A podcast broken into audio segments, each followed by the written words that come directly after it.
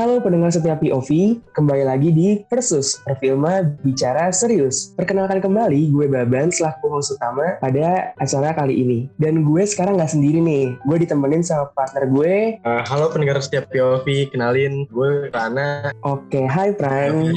Hai Ban. Kali ini kita nggak cuma berdua doang nih teman-teman, karena kita punya narasumber yang kece-kece, yaitu ada Bang Almas Ryoga dan ada juga Vina Ataya. Mungkin bisa kenalan dulu nih dimulai dari Bang Almas dengan menyebutkan nama dan tahun angkatannya. Oke, halo semua. Kenalin nama gue Almas Ryoga, gue FUI angkatan 2018. Oke, halo Bang. Oke, sekarang kita bisa lanjut nih ke Vina nih. Mungkin boleh kenalan juga nih, Vina. Oke, halo semuanya. Aku Vina, aku dari FUI angkatan 2020. Salam kenal. Halo Vina. Nah, di Versus episode kali ini, kita bakal membicarakan salah satu fenomena sosial yang beberapa tahun ke belakang makin populer dan bisa dibilang menjadi bentuk suatu budaya di kalangan anak muda khususnya. Kita akan membicarakan mengenai hasil culture di lingkungan FHUI. Buat buat teman-teman yang makin masih asing dengan istilah hasil culture, mungkin pernah membaca tweet Elon Musk yang dinilai turut mempopulerkan fenomena ini. Elon Musk pada 2018 lalu pernah membuat tweetan, katanya gini, There are way easier place to work, but nobody ever change the world on 40 hours a week. Yang kira-kira artinya, nggak ada orang yang bisa mengubah dunia kalau cuma kerja selama 40 jam seminggu. Ini tuh kontradiktif banget dengan fakta bahwa ILO menetapkan standar umum jam kerja adalah maksimal 8 jam per hari atau maksimal 48 jam per minggu. Kira-kira kalau menurut lu gimana nih Pran tentang hasil culture ini Pran? Waduh, kalau menurut gue itu ya agak berat ya Ban. Mungkin pernyataan dari Elon Musk agak kontradiktif juga sih. Tapi pengetahuan gue tentang hustle culture ini masih kurang sih Ban. Mungkin dari narasumber sendiri mereka bisa menjelaskan sih kata gue mengenai hustle culture. Menurut Bang Alma sama Vina, apa sih pengertian dari hustle culture? Oke, mungkin gue dulu kali ya yang cerita di sini ya. Oke, jadi gini, uh, jujur ini bahasannya cukup berat ya, tapi relevan banget lah buat kita anak muda. Jadi menurut gue itu hustle culture itu apa sih? Itu tuh merupakan suatu culture ya atau budaya di mana kita nih anak-anak muda tuh menjadikan parameter kesuksesan kita gitu menjadi satu-satunya apa ya kayak semacam tujuan hidup kita gitu loh. Kayak kita harus sukses gitu sampai akhirnya kita lupa ada faktor-faktor yang lain. Sampai akhirnya kita push ourselves buat ya mau nggak mau harus sukses gitu di usia muda. Menurut gue tuh kayak gitu sih. Kalau menurut Vina gimana? Oke sebenarnya aku setuju banget sama yang Bang Almas bilang. Aku baru pertama kali tahu hustle culture ini sih sebenarnya pas udah diundang nih sama teman-teman berfilm kalau ternyata ternyata budaya ini tuh ada namanya. Dan menurut aku hustle culture ini sendiri tuh budaya di mana orang berusaha main sibuk-sibukan atau berusaha mungkin memperbanyak kegiatan karena mereka nganggep kalau misalnya jadi sibuk itu bisa menjadi salah satu langkah untuk kita menuju kesuksesan. Gitu sih. Makanya kenapa budaya culture ini ada dan semakin berkembang di antara kita. Oh, oke okay, oke. Okay. Tapi dari dari definisi yang tadi udah dipaparin sama Bang Alma sama Vina, kira-kira kenapa sih hasil culture itu sekarang-sekarang ini jadi makin populer ya apalagi di kalangan anak muda kayak kita gini deh mungkin boleh dari Vina dulu deh Oke, sebenarnya banyak banget faktornya. Salah satunya tadi karena kita nganggap kalau misalnya semakin kita sibuk akan semakin mendekatkan kita kepada kesuksesan. Kemudian aku juga merhatiin atau aku juga ngeliat ada semacam budaya atau kayak kebiasaan yang namanya itu disebutnya fear of missing out atau FOMO. Jadi kadang ada orang yang berusaha sibuk karena orang-orang di sekitar tuh sibuk. Jadi ketika dia nggak sibuk, dia takutnya dia dia merasa tertinggal gitu. Jadi dia berusaha menyibukkan diri supaya seperti yang lainnya karena dianggap bahwa itu lagi balik lagi ke yang awal kalau misalnya itu salah satu cara untuk menuju kesuksesan gitu sih Baba. Oke, jadi kayak sibuk yang sebenarnya itu bermula dari FOMO-FOMOan gitu ya. Kalau menurut dari Bang Almas gimana nih? Oke, kalau dari gue tuh sebenarnya hampir sama ya sama yang dibilang Vina gitu, tapi ada faktor lain juga nih menurut gue. Jadi yang pertama tuh adalah adanya konstruksi sosial nih teman-teman. Jadi kayak memang gimana ya di zaman sekarang tuh dalam tanda kutip ada semacam tuntutan gitu loh sebagai kita anak muda harus sukses di usia muda gitu. Jadi misal ada nih si A, si B atau si C gitu bisa beli aset atau bisa beli properti di usia kurang dari 25 tahun. Nah itu langsung semata-mata menjadi patokan bahwa sukses tuh yang seperti itu gitu loh. Dan saya kenapa kemudian ada FOMO tadi yang dibilang Tina gitu. Terus in the other side mungkin ada yang sekarang kalau teman-teman gak asing juga ya, ini juga salah satu penyebabnya nih mungkin menurut aku. Itu ada yang namanya toxic positivity gitu loh teman-teman. Yang ngasih jadi kayak misal udah capek nih, tapi kayak ah yuk bisa yuk bisa bisa bisa bisa bisa nah kayak gitu loh nah itu kadang yang membuat akhirnya hasil culture ini semakin merebak gitu loh di, angkat, di angkatan kita ya di anak-anak milenial gitu. Oh iya sih bang, gue setuju sama pendapat lu. Terus juga setuju juga sama pendapat Vina mengenai toxic positivity dan juga FOMO tadi. Nah kalau dilihat dari pengalaman abang dan kita sendiri sebagai mas masyarakat di FAUI, menurut abang dan Vina gimana sih budaya hustle di FAUI? Terus juga boleh memberikan pandangan kalian juga nggak tentang budaya tersebut di FAUI? Boleh dari abang dulu. Oke, kalau ngomongin di FAUI nih ya, uh, gue nggak tahu apakah sebenarnya ini beneran happening di FAUI atau gue nya sendiri nih yang menanggapinya salah gitu. Karena memang uh, kalau gue boleh jujur, gue dulu sempat ada di posisi ini gitu. Kayak gue tuh FOMO gitu loh melihat teman gue yang kita sama-sama semester satu misalnya, tapi teman gue udah bisa A, B, C, D, F, G. Kok gue belum ya? Kok gue masih stuck ya? Gitu. Either gue yang merasa seperti itu atau memang sebenarnya FAUI memang banyak nih yang ngalamin hal culture kayak gini, kayak gitu. Kalau dari Vina gimana? Kalau dari aku mungkin aku ngasih dari perspektif mabaknya sendiri kali ya karena kebetulan aku baru masuk kan ya baru semester 2 kalau yang aku lihat jadi tuh mungkin karena kita sebagai maba baru banget nih masuk baru banget ketemu uh, dunia universitas tuh kayak apa sih dan akhirnya kita jadi banyak-banyak nyoba karena mikir itu ngebuat kita jadi lebih banyak pengalaman dan akhirnya ngebuat kita mungkin jadi lebih banyak tahu dari yang lainnya jadi mungkin itu salah mungkin itu bisa jadi salah satu alasan kenapa di FAUI itu mungkin cukup banyak uh, budaya hustle culture ini tuh berkembang atau ada gitu sih Prana. Oh oke okay, oke. Okay. Jadi kalau bisa diambil garis besarnya, sebenarnya di FAUI ini lumayan banyak lah ya uh, mahasiswa-mahasiswa yang menganut si hustle culture ini. Nah tadi kan juga Abang dan Vina kan udah mulai kasih pandangan nih. Tapi sekarang boleh nggak sharing apakah Abang dan Vina pernah hustling dalam bekerja ataupun juga belajar secara khusus di lingkungan hustle Universitas Indonesia? Coba Mungkin dari Vina dulu deh. Sejujurnya aku nggak tahu sih, tapi sepertinya aku memang salah satu orang yang pernah atau mungkin sampai sekarang masih ngelakuin budaya hustling ini karena aku nggak bakal bisa tidur atau aku nggak bakal bisa tenang pokoknya ngelakuin apa-apa kalau misalnya aku belum bener-bener kerja sampai selesai kayak gitu. Dan aku uh, dan itu terjadi bisa aku bisa sampai kayak nggak tidur ber, berhari-hari buat mastiin kalau misalnya semua pekerjaan aku itu selesai pada waktunya. Sebenarnya itu mungkin baik tapi kayak bisa satu sisi setelah itu aku juga sempat sakit sih setelah itu jadi kayak salah satu mungkin aku pengalaman aku pernah pernah ngelakuin budaya hustle culture ini sih gitu sih oke jadi kalau dari Vina pernah hustling sampai sakit kalau dari Bang Almas gimana nih Oke, kalau dari gue mungkin gak jauh beda ya sama Vina. Since gue udah 6 semester nih ya di FOI, bahkan sampai sekarang gue masih coba buat overcome itu gitu. Apa yang dibilang Vina tuh bener, kayak gak cuma gue gitu teman-teman gue pun juga. Kita bisa ya sampai dua hari nggak tidur buat nyelesain proker mungkin atau buat rapat gitu. Bisa sehari kita sampai rapat empat kali lima kali. Itu bisa gitu. As long as kerjaan kita kelar gitu. Dan emang gue tahu itu sebenarnya nggak baik guys gitu. Tapi ya mau gimana ya kayak society mengharuskan kita untuk seperti itu. Kayak gitu sih kalau dari gue.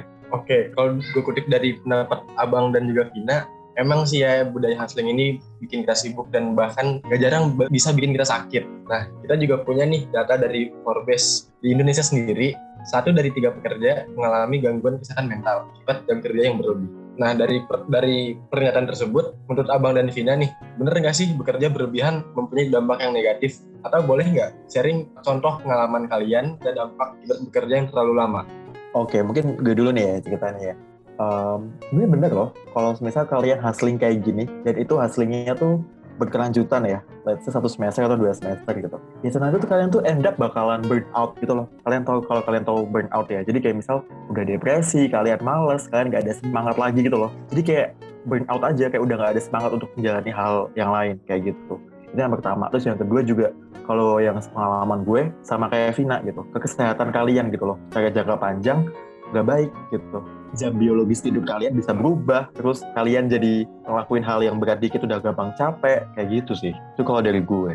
Iya sih bang pasti jam tidur kita bakal berubah banget. Kalau dari Vina ada nggak Oke, tadi dari Forbes kalau nggak salah sempat dikutip ini ngaruh ya kesehatan mental. E, mungkin aku bisa ngasih contoh konkret, aku mungkin salah satunya ya. Jadi aku e, tahun 2019 itu kan mungkin aku udah hasil culture tuh udah ngalamin budaya ini tuh dari tahun 2019 dan waktu 2019 itu aku sempet sampai dibawa ke psikolog gara-gara aku ngalamin anxiety itu aku ngalamin kes aku aku ngalamin mental issue itu. Dan uh, alhamdulillah sebenarnya sekarang udah agak lebih baik karena aku berusaha coba cari cara buat overcome. Tapi yes uh, budaya ini benar-benar bisa ngebuat kesehatan mental kita itu uh, terpengaruh gitu. Dan bener banget yang dibilang sama Bang Almas.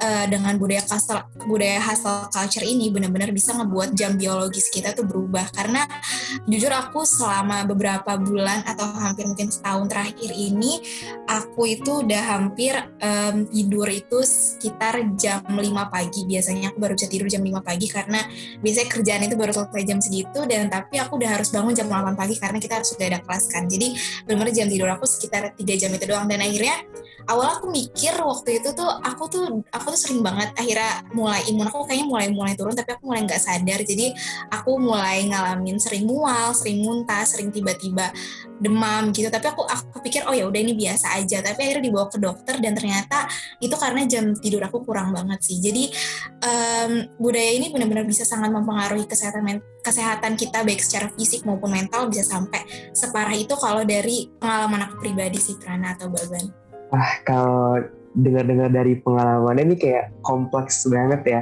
Tadi kan udah dijelasin nih kayak banyak dampak negatifnya. Nah kalau menurut Bang dan Vina, kira-kira itu tuh bisa diatasin gak sih dan kalau misalnya bisa, mana cara ngatasinnya? Mungkin boleh di-sharing nih, mulai dari Bang Mas. Oke, okay, thank you nih Ben. Jadi gini sih, uh, memang sih sebenarnya hasil culture ini tuh kan banyak banget dampak negatifnya gitu loh. That's why kenapa kita harus overcome itu. Nah caranya gimana gitu. Ini gue juga sharing aja nih ya, karena gue juga masih belajar nih buat overcome itu. Gue tuh biasanya sekarang benar-benar harus mulai bikin to-do list dengan ketentuan waktu yang emang harus gue, apa namanya, lakuin gitu. Kayak misal, jam sekian gue harus ngapain, jam sekian harus gue ngapain. Terus gue harus lebih tegas lagi sih ke diri gue bahwa oke okay, gue jam segini harus sudah tidur gitu. Karena tidur sepenting itu karena istirahat lo tuh emang cuma waktu tidur. Tidur malam tuh gak ada yang bisa gantiin gitu. Kayak lo tidur malam 4 jam sama lo tidur siang 10 jam tuh beda rasanya gitu. Terus kurang-kurangin deh kalau misal lo udah ada waktu luang nih udah istirahat tidur gitu. Jangan lo malah tambah-tambah kerjaan lagi atau lo jangan malah banyakin main handphone atau apa kayak gitu. Terus note ke diri sendiri aja ya kayak misal uh, orang tuh punya tracknya masing-masing gitu. Jadi ya udah just uh, stay di pet lo aja gitu. Jangan compare diri lo dengan yang lain gitu. Karena nggak akan bisa lo samain jalur lo sama jalur yang lain gitu. Terus kalau dari gue sih. Oke, jadi tadi aku sempat uh, keywordnya kalau misalnya ada waktu istirahat dan juga ya jangan compare diri kita terus sama orang yang lain. Bagus banget nih dari Mama Mas. Kalau dari Vina sendiri gimana ya? Oke, okay, aku juga sebenarnya uh, juga lagi nyoba sama apa yang kayak Bang Almas lakuin. Jadi aku lagi coba bener-bener benahin jam tidur aku karena bener banget apa yang dibilang Bang Almas, tidur 10 jam di siang hari itu eh tidur 4 jam di malam hari itu jauh lebih baik daripada tidur 10 jam di siang hari itu bener-bener beda banget rasanya. Dan juga aku juga berusaha tegas sama diri aku sendiri, aku pokoknya uh, work hour itu aku, aku itu pokoknya dari aku bangun tidur itu jam 5 sampai aku jam 12 aku berusaha banget untuk nggak tidur lebih dari jam gitu walaupun agak susah. Terus selain itu juga mungkin aku lagi-lagi ngasih dari perspektif maba lagi kali ya.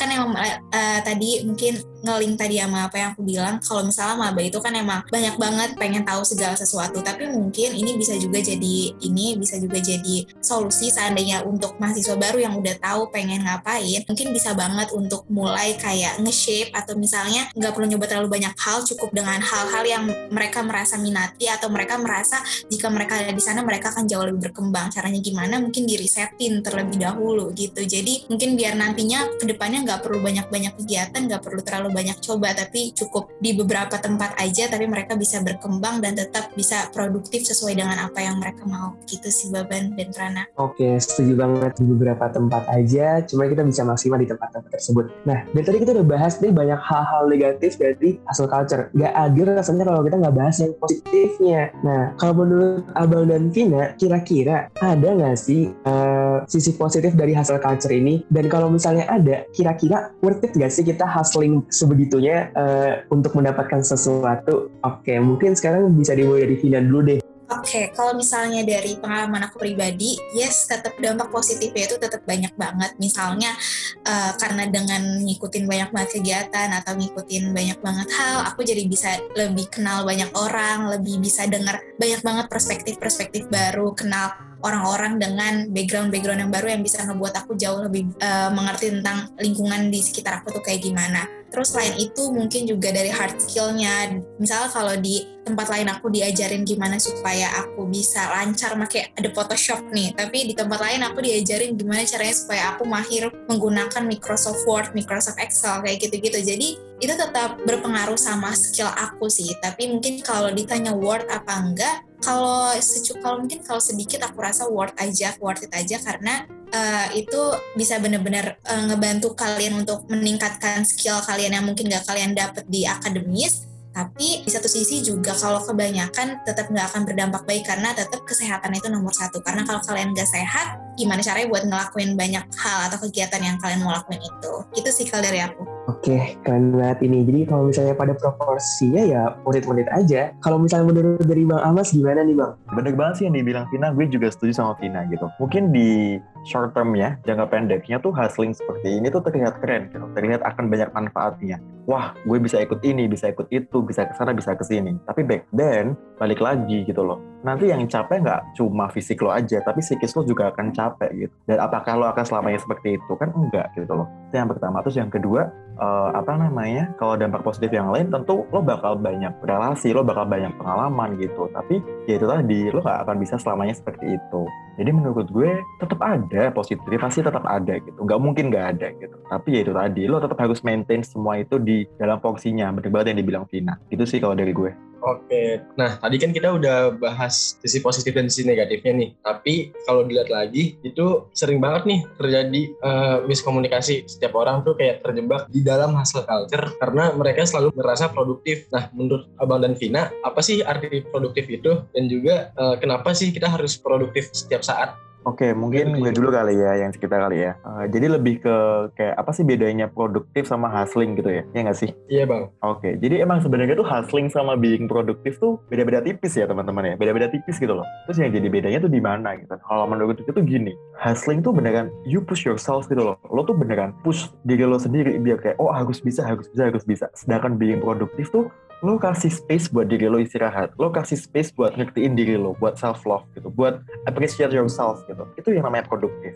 Dan biasanya yang namanya produktif itu lebih terstruktur gitu, lebih jelas alurnya. Sedangkan hustling itu lebih, oh ya yang penting yang penting gue ini aja sampai kelar, sampai kelar, sampai kelar kayak gitu. Itu sih jadi yang pembeda itu di situ. Kalau dari Vina gimana kira-kira?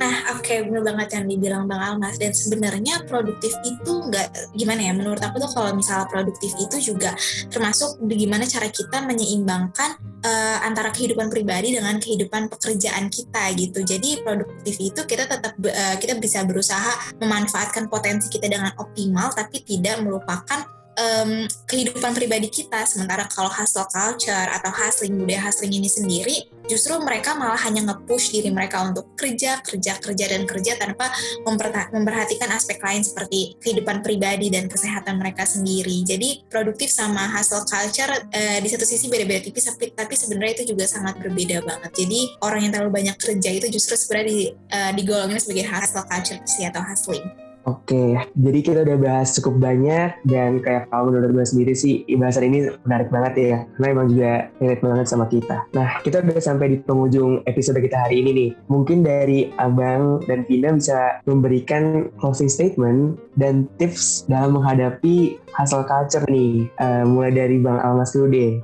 Oke, okay, thank you. Oke, okay, so gini sih teman-teman. Hustling gitu ya. Hustle culture atau hustling itu wajar banget sebenarnya. Apalagi kita sebagai milenial atau Vina sebagai maba. Rasa ingin tahunya tinggi. Kita pengen mencoba hal baru. Itu wajar banget. And it's okay, nggak apa-apa. We have to embrace it gitu. Tapi please know your limit gitu. Know your capability gitu. It's okay to improve your skill gitu. Nggak apa-apa. Itu emang bagus banget. Tapi ya balik lagi. Lo harus tahu capability lo gitu. Lo bisa kuatnya sampai mana sih gitu ya. Jadi emang oke. Okay, kita akan selalu berprogres. Kita akan selalu berprogres berproses tapi nggak yang namanya melulu berproses harus ada yang namanya self reward harus ada yang namanya istirahat kayak gitu itu kalau dari gue sih Oke, mungkin lanjut ke aku kali ya. Jadi kalau misalnya untuk aku, untuk closing statement aku sendiri sebenarnya udah banyak banget disebutin sama Bang Almas, nggak jauh beda. Uh, aku cuma pengen kalian tahu kalau misalnya yes sibuk itu perlu untuk nambah jejaring sibuk itu perlu untuk mengasah skill sibuk itu perlu kalian perlu ikut banyak hal untuk tahu gimana caranya uh, bertahan atau misalnya nyoba uh, untuk bisa banyak nyoba hal-hal baru dan tahu uh, environment masing-masing. Tapi tetap uh, ketika kita nggak sehat lagi ketika kita nggak sehat ketika kita nggak uh, bisa ngelakuin itu dengan maksimal maka itu juga jadi percuma jadi lebih baik coba appreciate diri sendiri coba mulai tahu apa sih sebenarnya yang benar-benar kita